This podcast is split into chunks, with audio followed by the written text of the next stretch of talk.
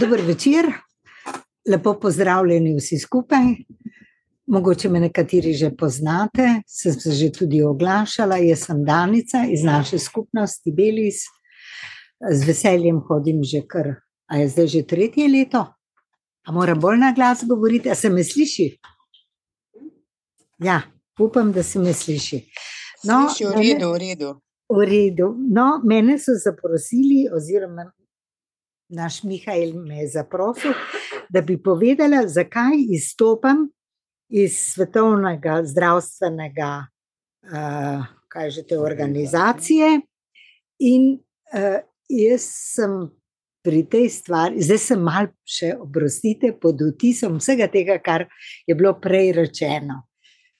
Zakaj sem pod vtisom? Jaz imam že kar nekaj let in sem dala ene take velike načrte, prognoze, ki jim sledim že iz mojih najstniških let.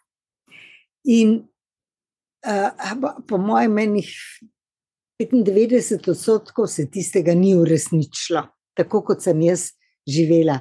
Upajmo, da se zdaj, ko so nekako, ko se oži ta prostor, mogoče eh, ne bo več 95 nerealiziranega, ampak bo lahko zares kakšna grozljivka, ki ah, nas bo presenetila.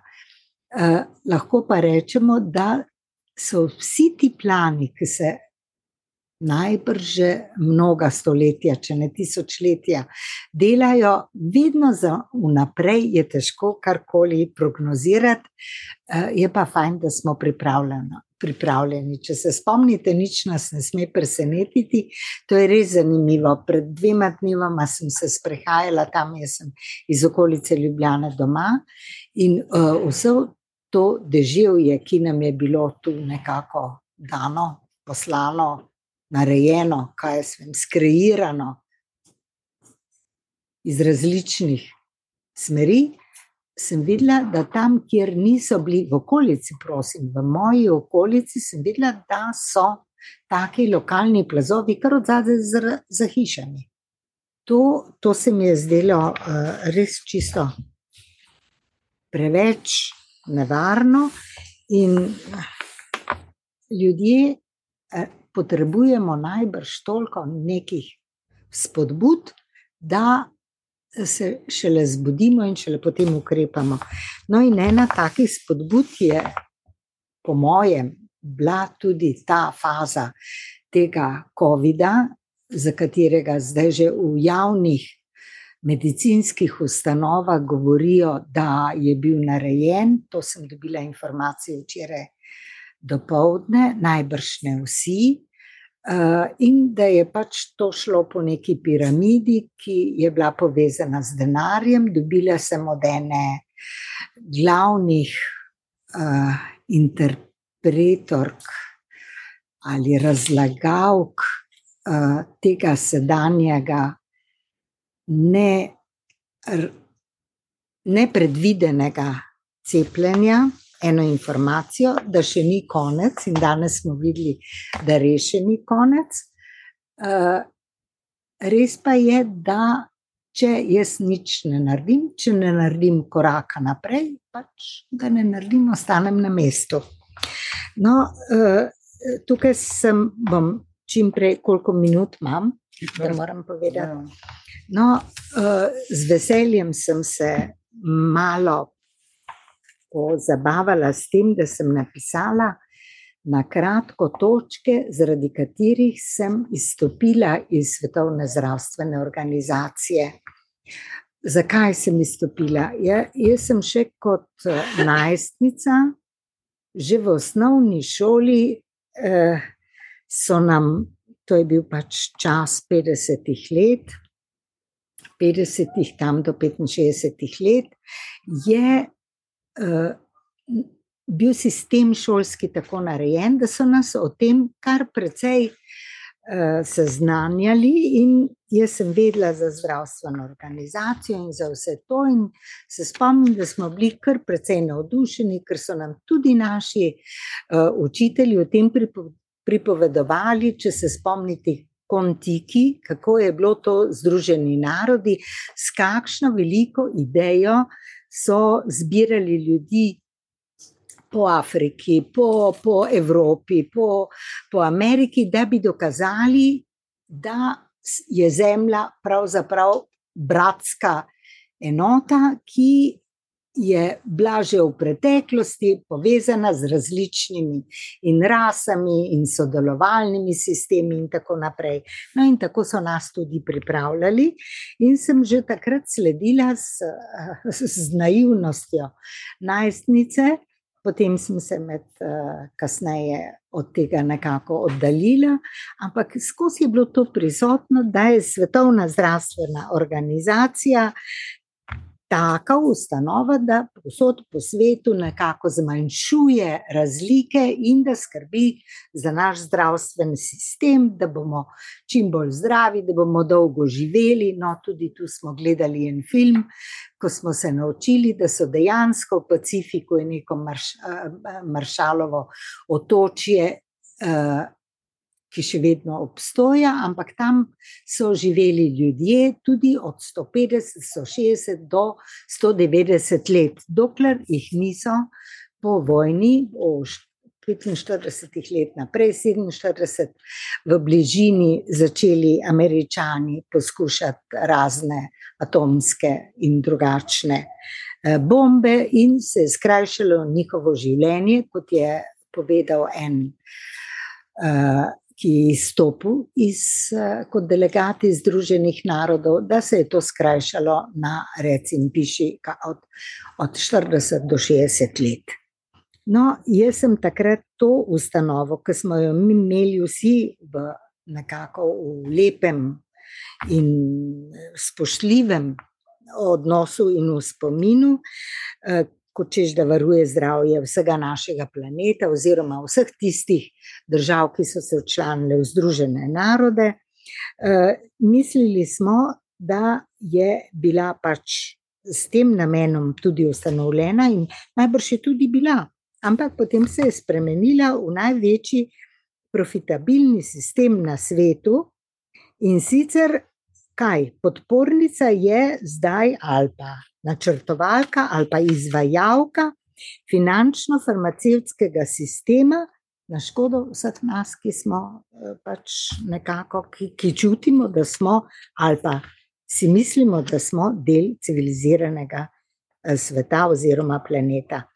S tem v teh zadnjih letih, ko se je vse to razvijalo skozi ta korona čas, kar se mene tiče, je zame izgubila kompletno in verodostojnost in tudi ugled.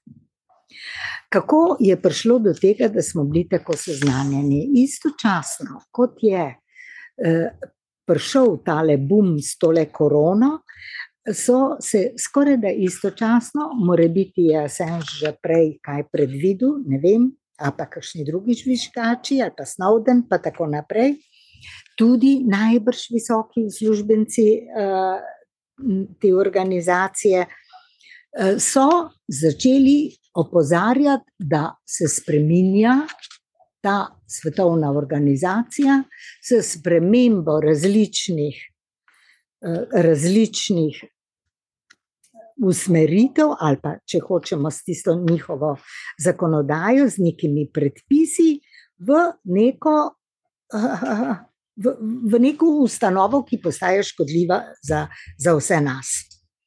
To, to je bilo zelo prisotno, in jaz sem se takrat tudi malo srečala sama sabo, ko sem rekla: No, poglej, poglej, kaj se tu dogaja. Potem se nam je zgodila.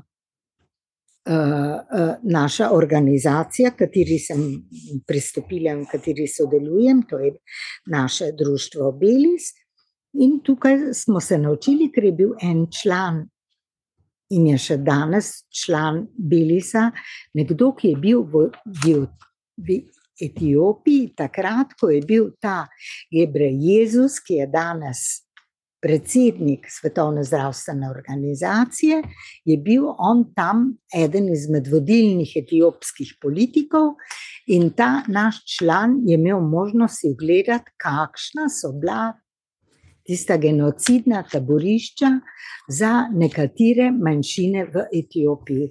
Takrat je bil ta, ki je danes predsednik tega svetovnega zdravstvenega, kaj bi človek rekel, mogoče največje organizacije.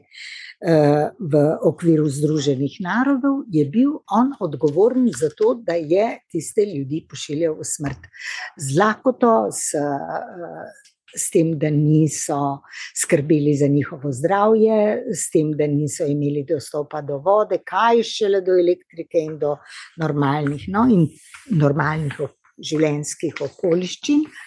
In tale naš član nam je razložil, kako je vzgrožen skušal nekaj narediti, vendar takrat to ni bilo možno. Potem, zakaj sem se jaz tudi odločila, da ne bom več spoštovala te organizacije in da je edina zadeva, pa če bo čemu pripomogla ali če ne bo, jaz se ne strinjam, da sem članica take organizacije. No, videlo se je potem s temi žvižgači in z verodostojnimi ljudmi, da je privatni kapital, ki je bil usmerjen za podporo in za razvoj te svetovne organizacije, da je pravzaprav tisti, ki vodi svetovno organizacijo. Mi smo imeli dejansko srečo, da jaz mislim, da smo Slovenci ali pa ljudje na teh področjih, ki smo preživeli vsa prejšnja obdobja, pa tudi različne vojne preko bivših naših in pokojnih in, in generacij, da smo se izostrili zato, da smo ali razvili instinkt ali postali pozorni, ali imamo še vedno občutek za pravičnost in da gledamo drugemu pod prste. Jaz ne vem, ali je pa to vse kombinacija vsega tega, ker imam srečo ali nesrečo, da pač sem v stiku lahko s tudi drugimi okolji in v Evropi in čez lužo in vidim, da ljudje dejansko so mnogo manj osveščeni kot to, kar vidim tu pri nas. In zato se mi zdi, da imamo mogoče vseeno malo več možnosti, da se nekako rešimo te prav res kriminalne združbe, ustanove in okolja. No, če si mislim, da podpira privatni kapital preko osemdeset odstotkov vsega, vse finančne podpore prihaja od privatnikov, je logično, da ti privatniki organizirajo in usmerjajo tako politiko kot dejavnost tega, te organizacije in, in pač to ni več, ne more biti več niti moja niti naše družbe organizacija niti naše civilizacije, ker je v bistvu škodljiva.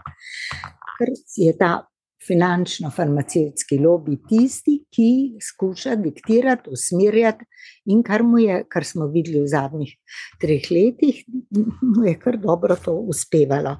Zakaj sem se še odločila, da izstopim?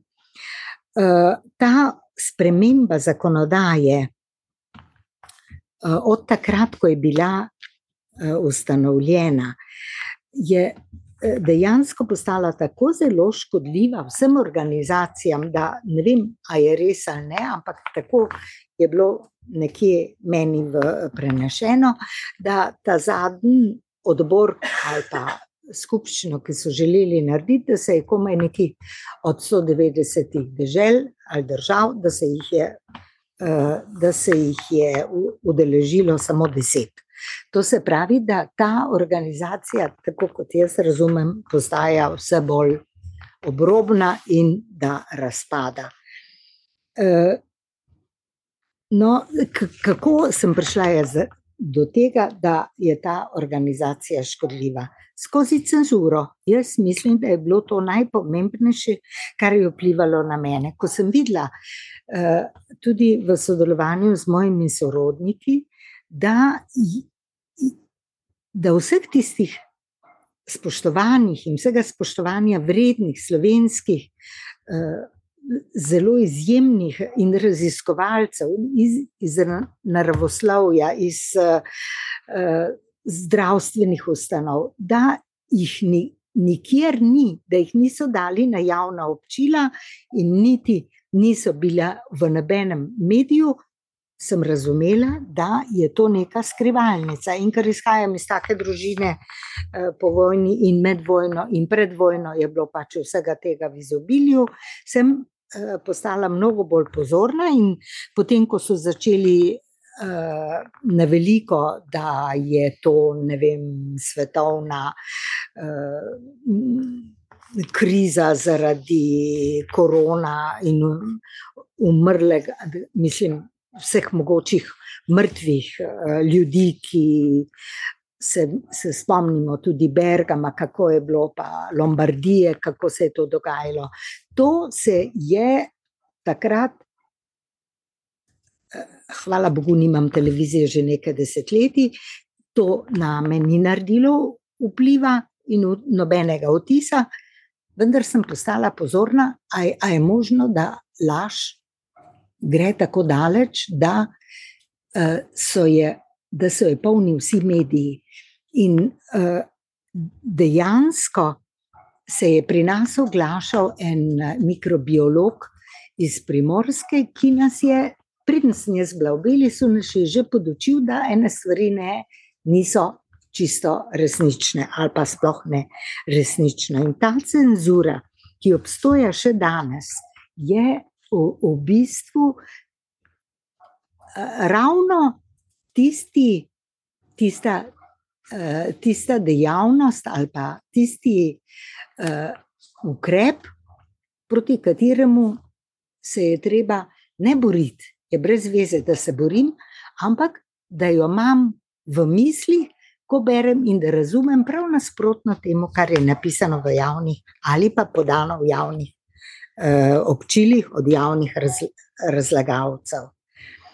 Eh, če, če vidim, kaj je še to. No, je, jaz si danes mislim, da je ta organizacija, iz katere sem izstopila, neke vrste totalitaristična, rekla bi, pravzaprav čist neka fašistična svet, eh, organizacija in ima čisto nobene zveze več z varovanjem zdravja na tem planetu.